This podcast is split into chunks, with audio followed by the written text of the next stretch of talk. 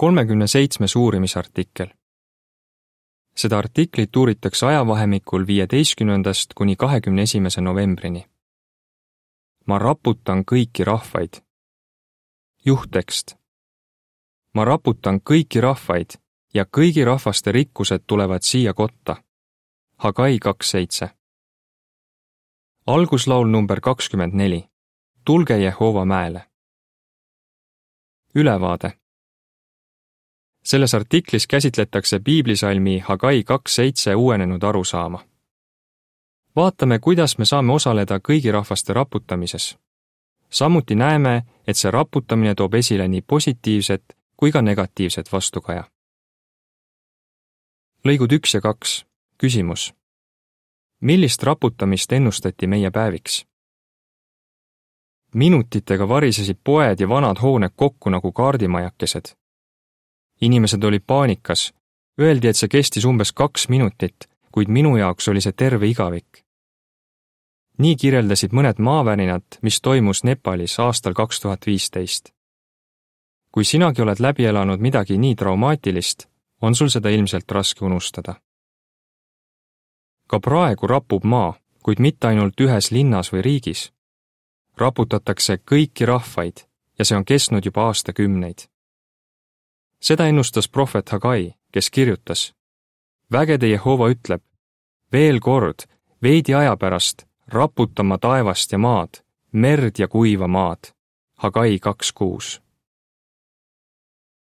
lõik kolm, küsimus. kuidas erineb sümboolne rahvaste raputamine maavärinast? raputamine, mida kirjeldas Hagai, ei ole sõna otseses mõttes maavärin, mis toob kaasa ainult hävingut sellel on ka head tulemused. Jehova ütleb, ma raputan kõiki rahvaid ja kõigi rahvaste rikkused tulevad siia kotta ning ma täidan selle koja auhiilgusega. Hagai kaks seitse. kuidas täitus see prohveti ennustus Hagai päevil ja kuidas täitub see meie ajal? milline osa on meil selle ennustuse täitumises? Neid küsimusi arutamegi selles artiklis. julgustus Hagai päevil lõik neli, küsimus. miks andis Jehova Hagaile ülesande rahvast innustada? prohvet Hagai sai Jehovalt olulise ülesande. ilmselt oli Hagai üks nendest, kes aastal viissada kolmkümmend seitse enne meie ajaarvamist Babylonist Jeruusalemma naasis. pagendusest tagasi tulnud ustavad jumalateenijad hakkasid peagi templit üles ehitama. kuna aga ümberkaudsed rahvad heidutasid neid, jätsid nad ehituse pooleli seetõttu andis Jehova aastal viissada kakskümmend enne meie ajaarvamist Hagaile ülesande innustada rahvast, et nad viiksid templi ehitamise lõpule. allmärkuses öeldakse. Hagai töö läks korda, sest tempel sai valmis aastal viissada viisteist enne meie ajaarvamist. allmärkuse lõpp. lõik viis, küsimus. miks võis Hagai sõnum Jumala rahvast julgustada? Hagai sõnum tugevdas rahva usku Jehovasse.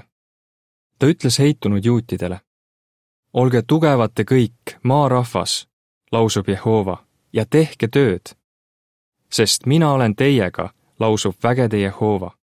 Hagai kaks neli. väljend vägede Jehova andis rahvale ilmselt kindlustunnet. on ju Jehova alluvuses suur vägi ehk armee ingleid juutide edukus sõltus sellest, kas nad toetusid Jehovale või mitte. lõik kuus, küsimus. milline tulemus oli rahvaste raputamisel, mida ennustas Hagai? Jehova andis Hagaile ülesande edastada sõnum kõigi rahvaste sümboolse raputamise kohta. see andis templi ehitajatele mõista, et Jehova raputab Pärsiat, mis oli tol ajal maailmavõim ja valitses paljude rahvaste üle mis oli selle raputamise tulemus? esiteks, tempel sai valmis. teiseks, isegi mittejuudid hakkasid koos juutidega selles taastatud templis Jehovat teenima. see Hagai sõnum oli Jumala rahvale tõesti julgustav. töö, mis raputab kogu maad. lõik seitse, küsimus. mis osa on meil raputamistöös? Kuidas täitub Hagai prohveti ennustus meie ajal? Jehova raputab taas kõiki rahvaid ja selles on oma osa ka meil. mõelgem järgmisele faktile. aastal tuhat üheksasada neliteist seadis Jehova Jeesuse taevase kuningriigi kuningaks. see tähendas, et rahvastele määratud ajad ehk aeg, mil polnud ühtki Jehovat esindavat valitsejat, oli läbi saanud. seetõttu on Jehova rahvas eriti aastast tuhat üheksasada üheksateist rääkinud, et inimkonna ainus lootus on Jumala kuningriik. selle hea sõnumi kuulutamine on raputanud kogu maad. lõik kaheksa, küsimus. kuidas reageerib enamik rahvaid sellele sõnumile, nagu näitab laul kaks, üks kuni kolm? laul kaks, üks kuni kolm ütleb. miks rahvad möllavad, rahvahõimud sepitsevad tühja? maa kuningad astuvad välja, võimukandjad kogunevad kui üks mees Jehova ja tema võitu vastu. Nad ütlevad, rebigem katki nende ahelad, heitkem endalt ära nende köidikud. kuidas on inimesed sellele sõnumile reageerinud? enamus on lükanud selle tagasi. see ärritab rahvaid Nad ei tunnusta Jumala seatud valitsejat. Neile ei ole kuningriigi sõnum hea sõnum. Mõned valitsused on kuulutustöö isegi keelustanud. paljud valitsejad ütlevad, et nad teenivad Jumalat, kuid nad ei ole nõus loobuma oma võimust. nagu Jeesuse päevil, astuvad ka tänapäeval valitsejad välja Jehova võitu vastu, rünnates ustavaid Jumala teenijaid. järgneb lõikudega seitse ja kaheksa seotud piltide selgitus abielupaar räägib kuulutustööl lõplikust raputamisest. pildi allkirjaks on küsimus. Kas osaled innukalt kõiki rahvaid raputavas kuulutustöös? lõik üheksa, küsimus. kuidas reageerib Jehova rahvaste negatiivsele vastukajale? kuidas reageerib Jehova rahvaste negatiivsele vastukajale? laul kaks, kümme kuni kaksteist ütleb ja nüüd, kuningad, toimige arukalt, maa kohtumõistjad, laske end noomida. Teenige Jehovat kartusega, rõõmutsege värisedes. austage poega, et Jumal ei vihastuks ja te oma teelt sootuks ei häviks, sest tema viha süttib kiiresti. õnnelikud on kõik, kes otsivad varju tema juurest. Jehova on andnud vastupanijatele lahkelt aega, et neil oleks võimalik oma otsust muuta neil on ikka veel võimalus hakata alluma Jumala kuningriigile. Siiski hakkab aeg otsa saama, sest me elame viimsel päevil. inimestel on pakilisem kui kunagi varem õppida tundma piibli tõde ja teha õige valik. raputamise positiivne mõju. lõik kümme, küsimus milline positiivne mõju on kõigi rahvaste raputamisel, mida kirjeldatakse tekstis Hagai kaks seitse kuni üheksa? Hagai kaks seitse kuni üheksa ütleb. Ma raputan kõiki rahvaid ja kõigi rahvaste rikkused tulevad siia kotta ning ma täidan selle koja auhiilgusega, ütleb vägede Jehova. mulle kuulub hõbe ja mulle kuulub kuld, lausub vägede Jehova. selle koja tulevane hiilgus on suurem, kui oli endine, ütleb vägede Jehova. ma annan selles paigas rahu, lausub vägede Jehova Hagai ennustatud sümboolsel raputamisel on paljudele inimestele positiivne mõju. Ta ütles, et raputamise tulemusel hakkavad kõigi rahvaste rikkused ehk siirad inimesed Jehovat teenima. allmärkuses öeldakse. see on muudatus meie arusaamas. varasem selgitus oli, et siirad inimesed ei hakka teenima Jehovat sel põhjusel, et kõiki rahvaid raputatakse. allmärkuse lõpp nii Essaja kui ka Miika ennustasid viimseteks päevadeks midagi sarnast.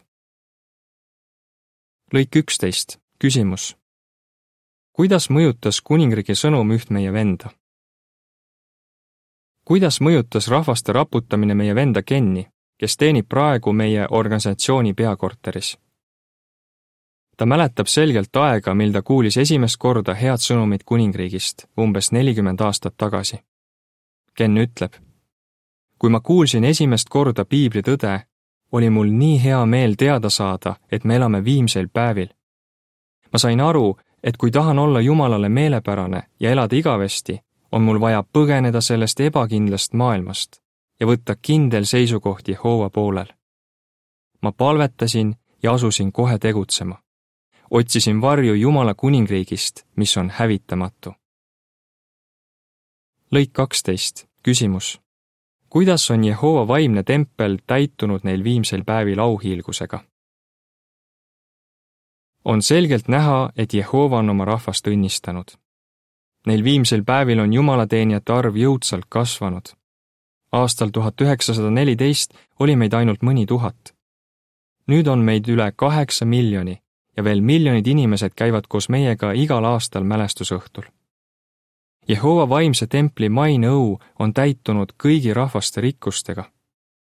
Jumala nimi saab austatud ka sellega, et need inimesed riietuvad uude isiksusse. lõik kolmteist, küsimus. millised ennustused on veel täitunud? kõige sellega on täitunud ka teisi prohveti ennustusi, nagu näiteks see, mis on kirjas Jesaja kuuekümnendas peatükis. salmis kakskümmend kaks öeldakse. Vähesest saab tuhat ja väiksest vägev rahvas. mina, Jehova, tõttan sellega omal ajal sellise kasvuga kaasneb midagi imelist. Neil inimestel on erinevaid oskusi ja ka soov jagada teistega head sõnumit Jumala kuningriigist. seega, nagu Jesaja väljendas, joovad Jehova teenijad rahvaste piima. Jesaja kuuskümmend kuusteist. Nende meeste ja naiste abiga tehakse kuulutustööd kahesaja neljakümnel maal ja meie väljaandeid ilmub rohkem kui tuhandes keeles selle ajakirja kaanepildi selgituses öeldakse. Jehova teenijad üle kogu maailma kuulutavad rõõmsalt head sõnumit Jumala kuningriigist. aeg otsustada. lõik neliteist, küsimus. mis otsus on inimestel vaja teha? Sel lõpuajal sunnib rahvaste raputamine inimesi otsustama, kas nad panevad lootuse Jumala kuningriigile või inimvalitsustele see on oluline otsus, mis tuleb igaühel langetada. kuigi Jehova teenijad kuuletuvad riigi seadustele, jäävad nad poliitilistes küsimustes täielikult erapooletuks. Nad teavad, et Jumala kuningriik on ainus lahendus inimkonna probleemidele. see kuningriik aga ei kuulu sellesse maailma. Lõik viisteist, küsimus. kuidas näitab ilmutusraamat, et jumalateenijate ustavus pannakse proovile? ilmutusraamat toob välja, et jumalateenijate ustavus pannakse neil viimsel päevil proovile. seetõttu kogevad nad tagakiusamist. valitsused kiusavad taga kristlasi, kes ei toeta neid. Nad tahavad, et kõigile inimestele, väikestele ja suurtele, rikastele ja vaestele, vabadele ja orjadele, tehakse märk paremale käele või laubale. ilmutus kolmteist kuusteist. kunagi tehti orjadele märk, mis näitas, kellele nad kuuluvad samamoodi oodatakse tänapäeval, et igaühel oleks käel või laubal sümboolne märk. selliselt märgistatud inimeste mõtted ja teod näitavad, et nad toetavad poliitilisi süsteeme. lõik kuusteist, küsimus. Miks on praegu eriti oluline tugevdada oma usku Jehovasse? kas me laseme endale selle sümboolse märgi teha ja hakkame toetama inimvalitsusi? Need, kes ei lase endale seda märki teha, kogevad raskusi. milleks see märk tehakse? ilmutusraamat ütleb, et keegi muu ei saaks osta ega müüa, kui vaid see, kellel on see märk, ilmutus kolmteist seitseteist. Jumalateenijad aga teavad, mida Jumal teeb nendega, kellel on see märk, mida on mainitud tekstis ilmutus neliteist üheksa ja kümme. Nad tahavad, et nende käel oleks hoopis märk Jehova oma Jesaja nelikümmend neli viis. nüüd on aeg teha kindlaks, kas meie usk Jehovasse on vankumatu. kui see on nii, siis Jehova tunnistab rõõmuga meid enda omaks. lõplik raputamine. Lõik seitseteist, küsimus. mida meil on vaja meeles hoida seoses Jehova kannatlikkusega? Jehova on olnud väga kannatlik sest ta ei taha, et keegi hukkuks. ta on andnud kõigile võimaluse kahetseda ja hakata teda teenima. tema kannatlikkusel on aga piirid. Need, kes ei taha Jehovat teenida, saavad tunda sama, mis Vaarao Moosese päevil. Jehova ütles Vaaraole. Oleksin võinud juba ammu oma käe välja sirutada ning lüüa sind ja su rahvast laastava katkuga, nii et sa oleksid maa pealt kadunud. aga ma olen hoidnud sind alles just selleks, et näidata sulle oma väge ja selleks, et mu nime kuulutataks kogu maal. teine Moosese üheksateist, viisteist, kuusteist. kõigil rahvastel tuleb lõpuks tunnistada, et Jehova on ainus tõeline Jumal. Lõik kaheksateist, A küsimus. mis raputamisest räägib Hagai kaks kuus, kakskümmend kuni kakskümmend kaks? B küsimus. kust me teame, et Hagai sõnad täituvad ka tulevikus? Hagai kaks kuus ütleb, sest vägede Jehova ütleb, veel kord, veidi aja pärast, raputan ma taevast ja maad, merd ja kuiva maad. salmides kakskümmend kuni kakskümmend kaks öeldakse, Hagaile tuli kuu kahekümne neljandal päeval teist korda Jehovalt sõnum. ütle juuda maavalitsejale Serubabelile, ma raputan taevast ja maad, ma paiskan ümber kuningatroonid ja kaotan rahvaste kuningriikide jõu ma paiskan ümber sõjavankri ja sellel sõitjad. hobused hukkuvad ja nende ratsanikud langevad, igaüks oma venna mõõga läbi. Sajandeid pärast Hagai aega näitas Apostel Paulus, et sõnad, mis on kirjas Hagai kaks kuus ja kakskümmend kuni kakskümmend kaks, täituvad ka tulevikus. Paulus kirjutas. nüüd on ta tõotanud. veel kord ma raputan maad, ent ka taevast. sõnad veel kord annavad mõista, et see, mida raputatakse ja mida pole teinud Jumal, kõrvaldatakse, et jääks püsima see, mida ei saa kõigutada. Heebrealastele kaksteist, kakskümmend kuus, kakskümmend seitse.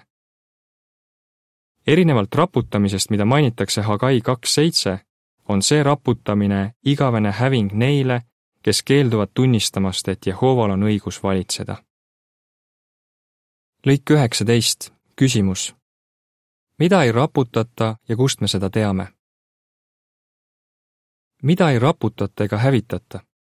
Paulus jätkas, kuna meile antakse kuningriik, mida ei saa kõigutada, siis jäägu meie peale arm, tänu millele me saame teenida Jumalat talle meelepäraselt, jumalakartuse ja aukartusega. Heebrealastele kaksteist kakskümmend kaheksa. peale viimast raputamist on Jumala kuningriik endiselt alles see seisab kindlalt oma kohal. lõik kakskümmend, küsimus. Millise valiku peavad inimesed tegema ja kuidas saame meie neid aidata? aeg hakkab otsa saama. inimestel on vaja valida, kas nad toetavad seda maailma ja lähevad hävingusse või hakkavad teenima Jehovat ja saavad igavese elu. meie kuulutustöö aitab neil otsusele jõuda me saame aidata teistel asuda Jehova poolele. hoidkem alati meeles sõnu, mida ütles Jeesus. head sõnumid kuningriigist kuulutatakse kogu maailmas, tunnistuseks kõigile rahvastele ja siis tuleb lõpp. Mattiuse kakskümmend neli, neliteist. mida sa oled õppinud rahvaste raputamise kohta järgmistest kirjakohtadest? laul kaks, üks kuni kolm Hagai kaks, seitse kuni üheksa. Hagai kaks, kakskümmend kuni kakskümmend kaks. lõpulaul number nelikümmend. O kellel kuulud sa? artikli lõpp